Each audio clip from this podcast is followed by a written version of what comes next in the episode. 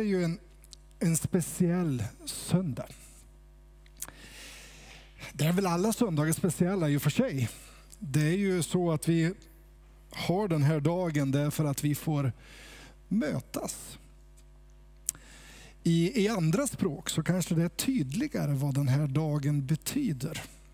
I latinska språk så kallas den här dagen för Domingo, eller Dia Domini, alltså Herrens dag.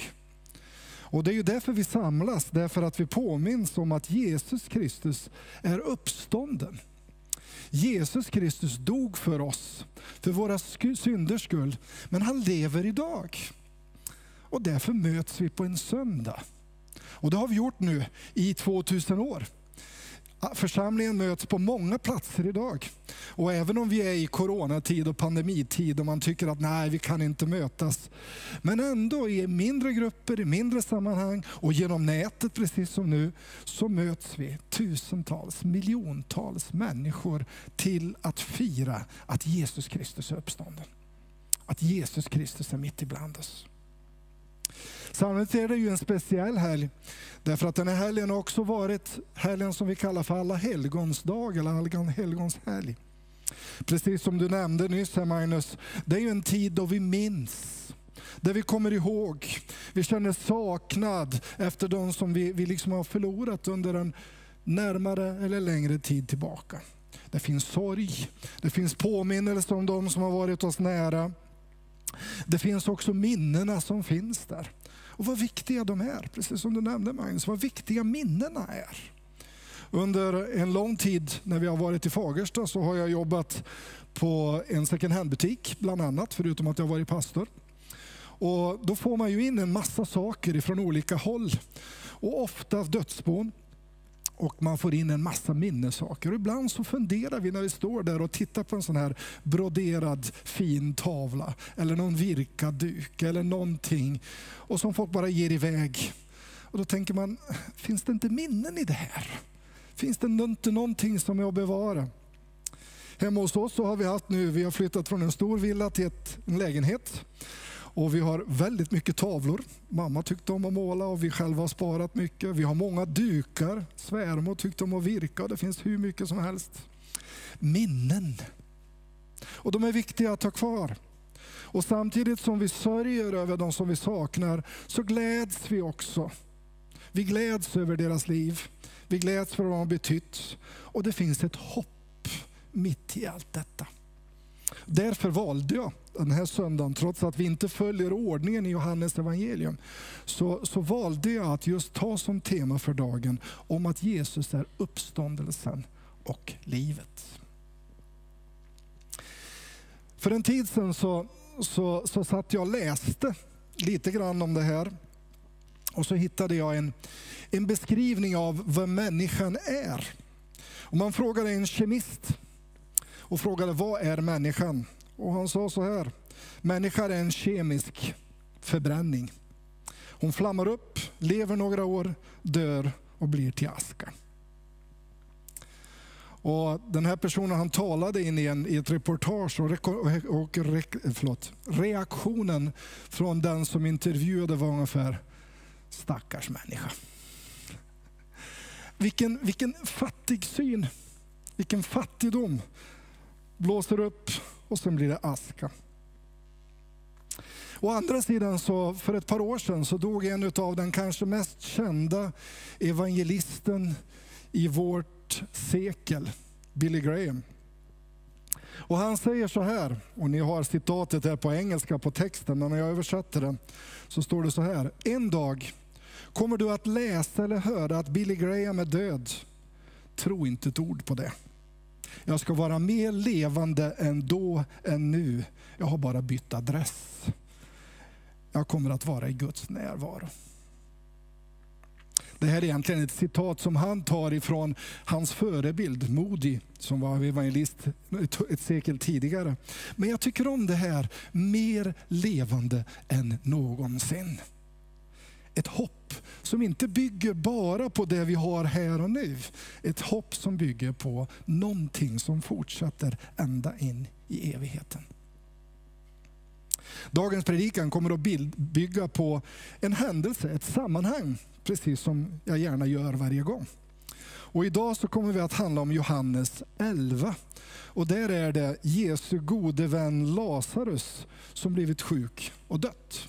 Och vi läser ifrån vers 1 fram till 7 och sen hoppar vi lite grann. Annars så får vi läsa en väldigt långt stycke. Men gör det gärna om du vill. Hela sammanhanget är fantastiskt.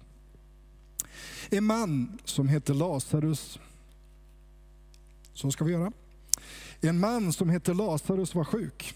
Han var från Betania, den by där Maria och hennes syster Marta bodde. Det var Maria som smorde Herren med väldoftande olja och torkade hans fötter med sitt hår. Och nu var hennes bror Lazarus sjuk. Systrarna skickade då bud till Jesus och lät säga, Herre, den du har kärl ligger sjuk. När Jesus hörde detta sa han, den sjukdomen slutar inte med döden, den är till Guds ära för att Guds son ska bli förhärligad genom den. Jesus älskade Maria och hennes syster och Lazarus. Och när Jesus hörde att Lazarus var sjuk stannade han ändå två dagar till där han var. Därefter sa han till sina lärjungar, låt oss gå tillbaka till Judeen. När Jesus kom fram, och nu hoppar vi fram till vers 17. När Jesus kom fram fann han att Lazarus redan hade legat fyra dagar i graven. Betania låg nära Jerusalem, ungefär tre kilometer därifrån. Och många judar hade kommit ut till Marta och Maria för att trösta dem i sorgen efter deras bror. När Marta fick höra att Jesus hade kommit gick hon ut och mötte honom, men Maria stannade kvar i hemmet. Marta sa till Jesus, Herre, om du hade varit här skulle inte min bror ha dött. Men också nu vet jag att Gud kommer att ge dig vad du än ber om. Jesus svarade, din bror ska uppstå. Marta svarade, jag vet att han ska uppstå vid uppståndelsen på den yttersta dagen. Jesus svarade, jag är uppståndelsen och livet. Den som tror på mig ska leva om han än dör. Och den som lever och tror på mig skall aldrig någonsin dö. Tror du detta? Hon svarade, ja Herre, jag tror att du är Messias, Guds son, han som ska komma till världen. Jesus kommer till ett hem i Betania. Ett hem där Jesus kände sig, ska man säga, hemma.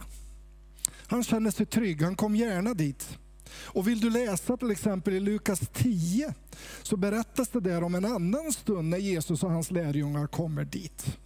Jesus tyckte att det här var ett bra ställe att komma till och han kommer där i Lukas 10 med sina lärjungar hem till den där platsen. Och det berättas då att de håller på att göra i ordning saker. Marta står där och pysslar och är ute och lagar mat och fixar och donar och så. Och Maria hon sätter sig ner vid Jesu fötter och det blir en diskussion. Jag kommer tillbaka till det alldeles strax. Det är intressant att det står inte dugg vad Lazarus gjorde. Det var tydligen helt ointressant.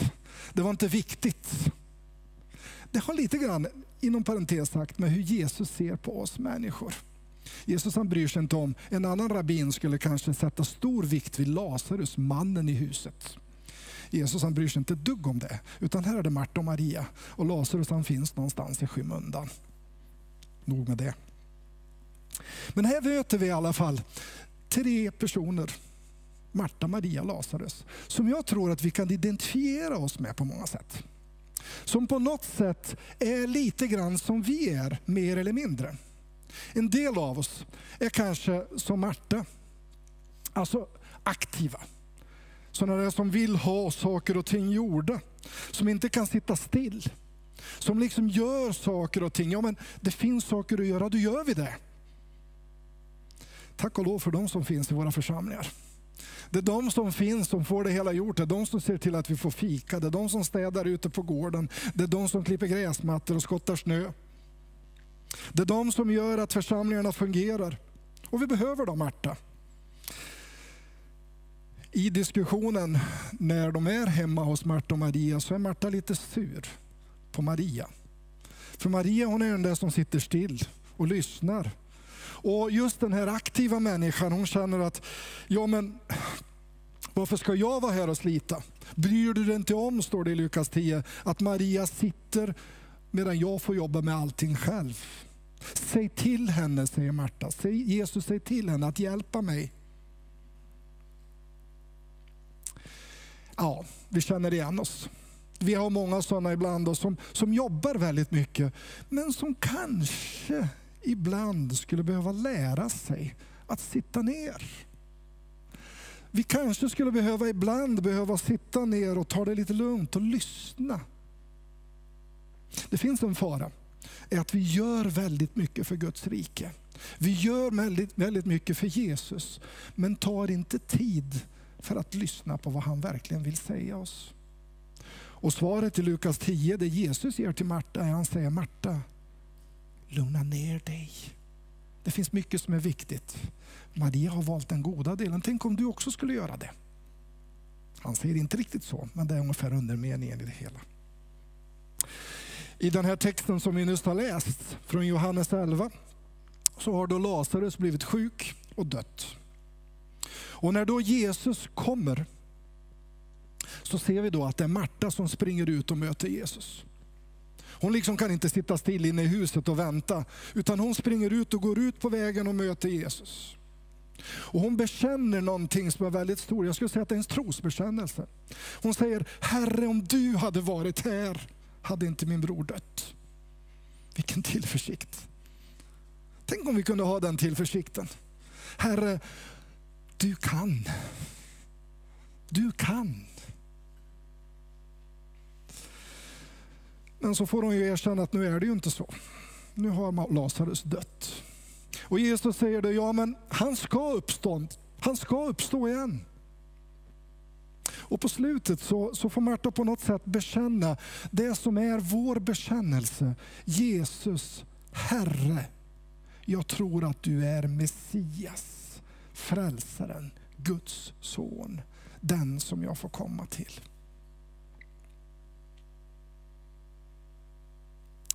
Maria, å andra sidan, är ju precis den här lugna, eftertänksamma, mediterande. Kanske lyssnar mer än talar. Och vad bra att vi har dem i församlingen. Alla kan inte vara lika pratsjuka som jag. Då skulle vi inte få ett tyst stund i församlingen. Tänk de som sitter och lyssnar och tar till. Många av dem är dessutom människor som bär våra församlingar i böner som bär församlingarna i den här stunden inför Gud. Vi behöver dem. Som vågar sätta sig ner och Jesus säger i Lukas, 10, Lukas 11 som jag nämnde nyss, Lukas 10 var det. Hon har valt den goda delen. Samtidigt är hon den som då sitter hemma och sörjer. När Jesus kommer så orkar hon inte springa ut och möta Jesus. Hon orkar inte att gå ut och säga till Jesus, min bror har dött. Hon orkar inte bära den. Hon är den som sitter och gråter. Och det står i texten att judarna var där för att trösta henne.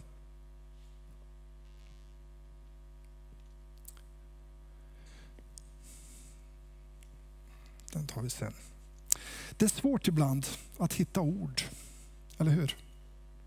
Det är svårt i sorgen det är svårt att säga saker och ting när vi själva sörjer. Det är svårt att veta vad man ska säga. Och också när man möter någon med sorg. Vad säger man för någonting? Vad svårt det är. Men ibland behövs det bara en kram. Bara jag är här med dig. Maria är inte den som säger så mycket. Men läser man nästa kapitel, och nu skulle det här fram, nästa kapitel Johannes 12, så ser man hur hon uttrycker sin tacksamhet och hur hon uttrycker sin vördnad för Jesus genom att hon bryter ett krus med olja, nardusolja, en ganska dyr sak. Hon tvättar, hon smörjer in Jesus fötter och det står till och med att hon torkar dem med sitt hår. Hon visar det, sin vördnad för Jesus Kristus. Hon som kanske inte hade så mycket att säga men hon visar där. Den tredje personen i det här, det är han som är död, i alla fall nu, just nu. Lazarus. Och Det är intressant att den här är den enda stället i Bibeln där det står om Lazarus död och uppståndelse. Många av berättelserna av Jesu berättelser, nästan alla, finns repeterade i åtminstone två eller tre av evangelierna. Men den här berättelsen finns bara i Johannes. Och man har funderat på varför? Ja, det kan vara så, och det är en tanke, att det här var ganska svårt för Lazarus själv.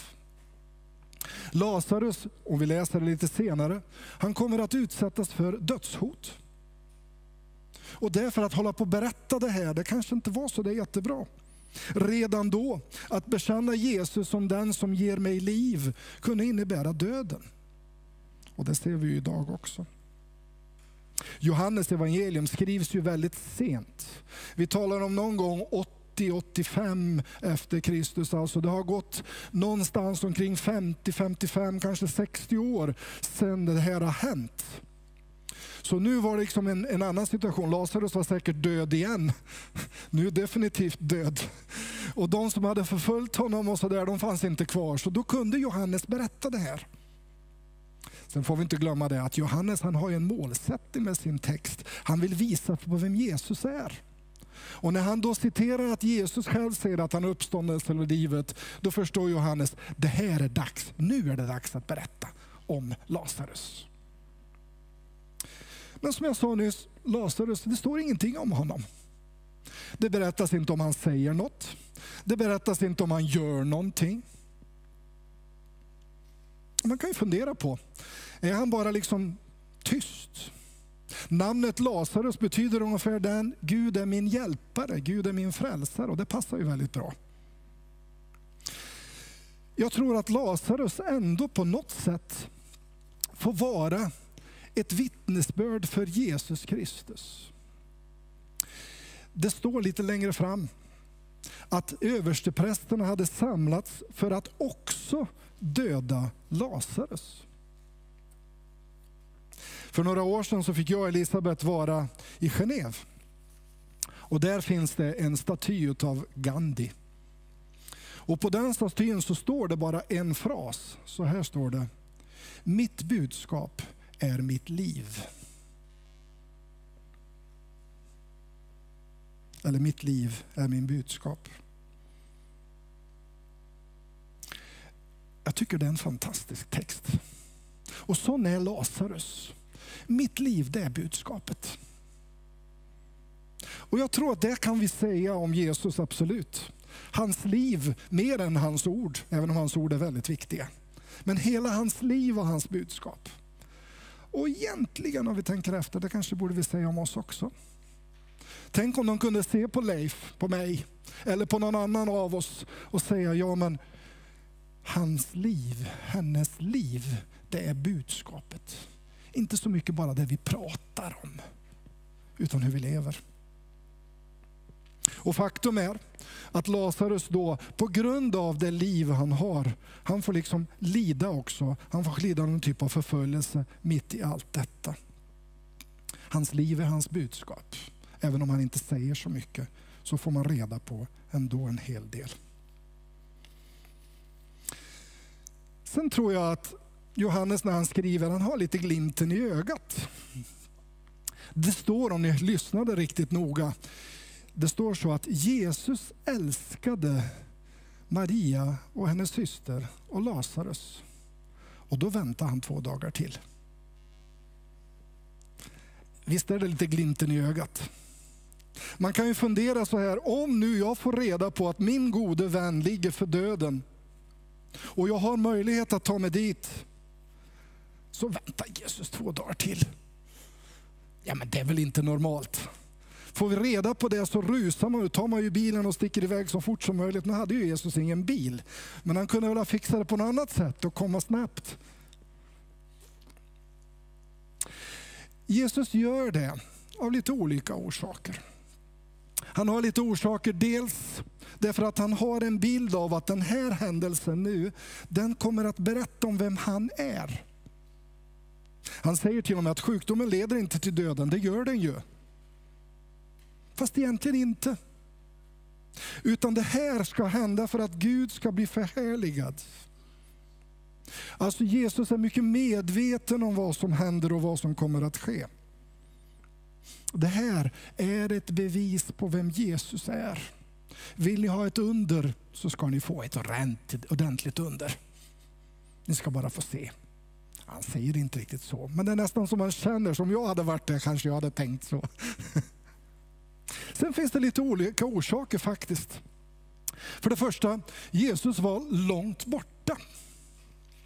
Om vi tittar på en, en karta som borde ha funnits där. Vi gör så här. Så, där fick vi kartan. Och ni ser att det finns en röd prick på den kartan, ni som ser den. Där ungefär var Jesus.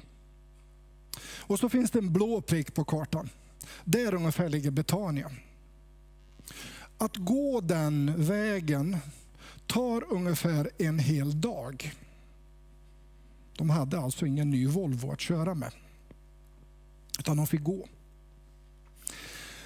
Det står så här att Lazarus vart sjuk och systrarna skickar iväg en budbärare till Jesus. Det tog alltså den här budbäraren en dag att komma fram till Jesus. Sen om Jesus skulle gå tillbaka skulle det ju ta en dag till. Då hade det gått två dagar. Jesus väntar två dagar till, alltså fyra dagar. Läser du Johannes så står det att när Jesus kommer fram, han har varit död i fyra dagar.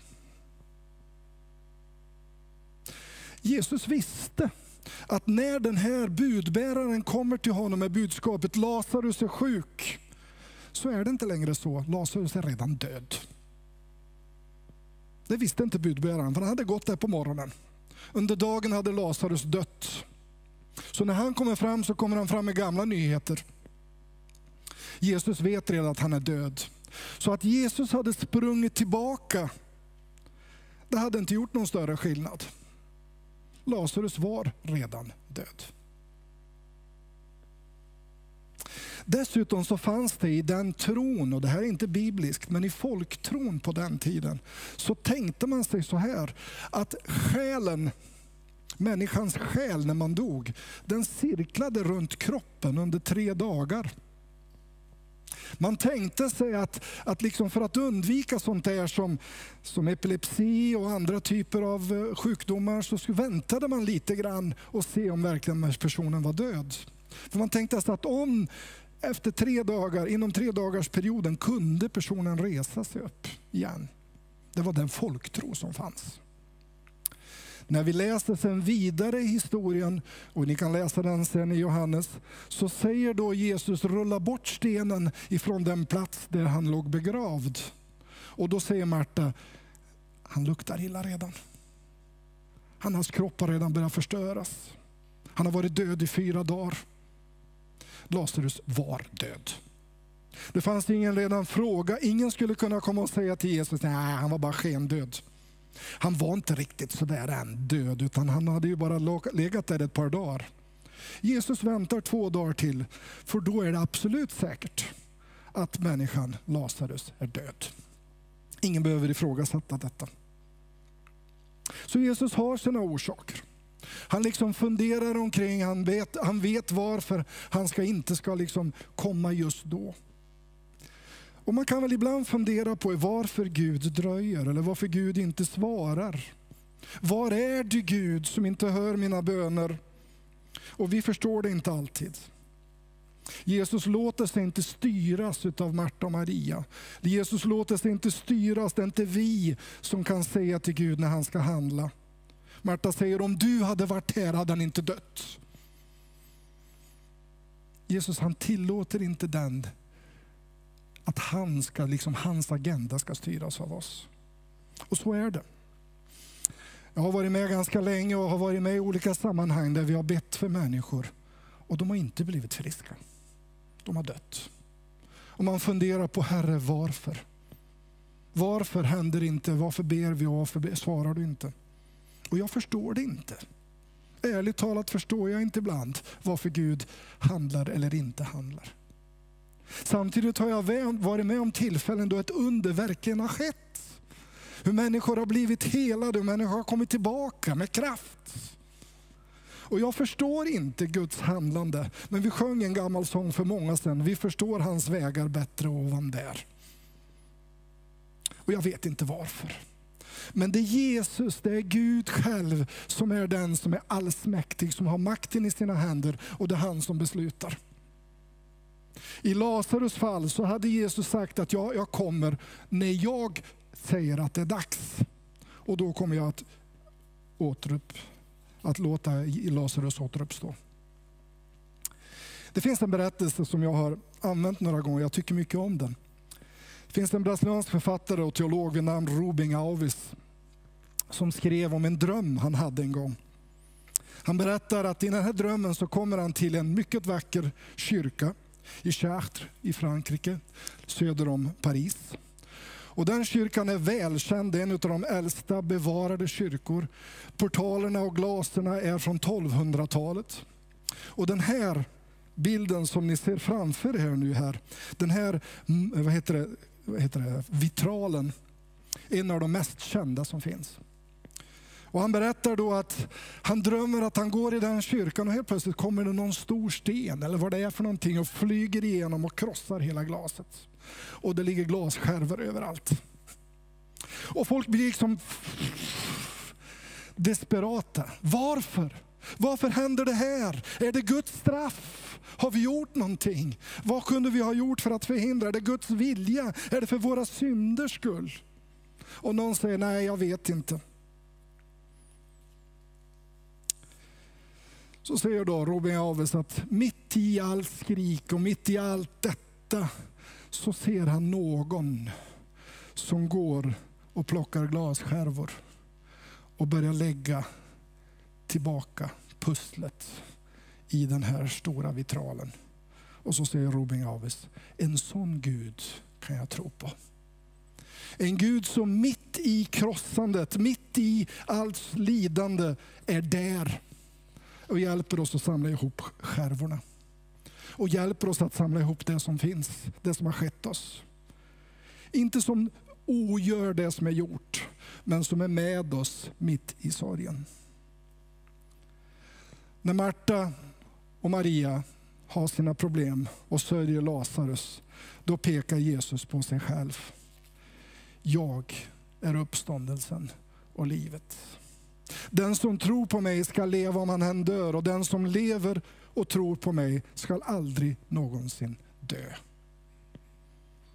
Jesus uppväcker Lazarus därför att han är livet. Därför att han själv är livets första och Herre. Johannes skriver i sin första del, i begynnelsen var ordet, alltså Jesus Kristus. Och ordet fanns hos Gud, ordet var Gud och ordet var liv. Vi har inget annat budskap än den levande Kristus. Vi har inget annat budskap än att Jesus Kristus har dött för oss på ett kors, men han är uppstånden. Det är grunden för vår tro. Jag brukar säga många gånger så här att vi kan diskutera väldigt mycket i våra sammanhang och kyrkor och olika sätt hur vi gör saker och ting. Men det finns en grund. Jesu Kristi död och uppståndelse. Frälsningen i Jesus Kristus som jag inte accepterar att vi ruckar på. Det är vår tro. Och Jag tycker det är jättebra att, att vi kallar oss för Korskyrkan och till och med har ett kors där uppe. Låt det vara någonting som präglar oss. Vi är kristna, vi är troende, vi är frälsta på grund av Jesu Kristi död och uppståndelse. Vi har inget annat budskap. Det finns ingenting. Om inte Jesus har uppstått, skriver Paulus i första Korinthierbrevet 15, då är vår tro död. Då finns ingen orsak till att fortsätta. En vecka som den här, en vecka där vi har haft alla helgons dag. En vecka när vi har allt det som händer omkring oss. Allt det som sker. Låt oss påminna oss om det. Jesus Kristus är uppståndelsen. Han är livet. Och det finns ingenting som är så dött att Jesus inte kan återuppväcka det. Det kan vara dina drömmar, det kan vara ditt äktenskap, det kan vara ditt liv, det kan vara allt som har gått fel i ditt liv. Jesus Kristus han har makten att ge ny kraft, att ge nytt liv. Död, vad är din udd? Var finns det någonting som kan vara emot? Om Gud är för oss, vem kan då vara emot oss? Och även om vi tycker att nej, det blev inte som vi velat. Även om sen så småningom, och det gör den ju, döden kommer. Eller var det du Magnus som sa när vi satt där ute, död är det sista jag ska göra. Eller var det du Hans-Olof som sa det? Hans-Olof var det. Död är det sista jag ska göra. och det är ju så, det kommer den dagen. Då får vi ändå säga, Jesus Kristus är uppståndelsen och livet. Och som Billy Graham, då kommer jag vara mer levande än någonsin. Vi ber tillsammans. Herre, du är uppståndelsen. Du är livet. Och även om vi inte alltid förstår det sätt du handlar här och det du tillåter ske mitt ibland oss, Herre, med oss, så har du lovat att du är med oss och du ger oss liv, du ger oss kraft. Tack Jesus. Vi upphöjer dig, vi lovar dig. Vi vill att du ska vara centrum hela tiden i allt. För det är bara i dig vi har liv. Amen.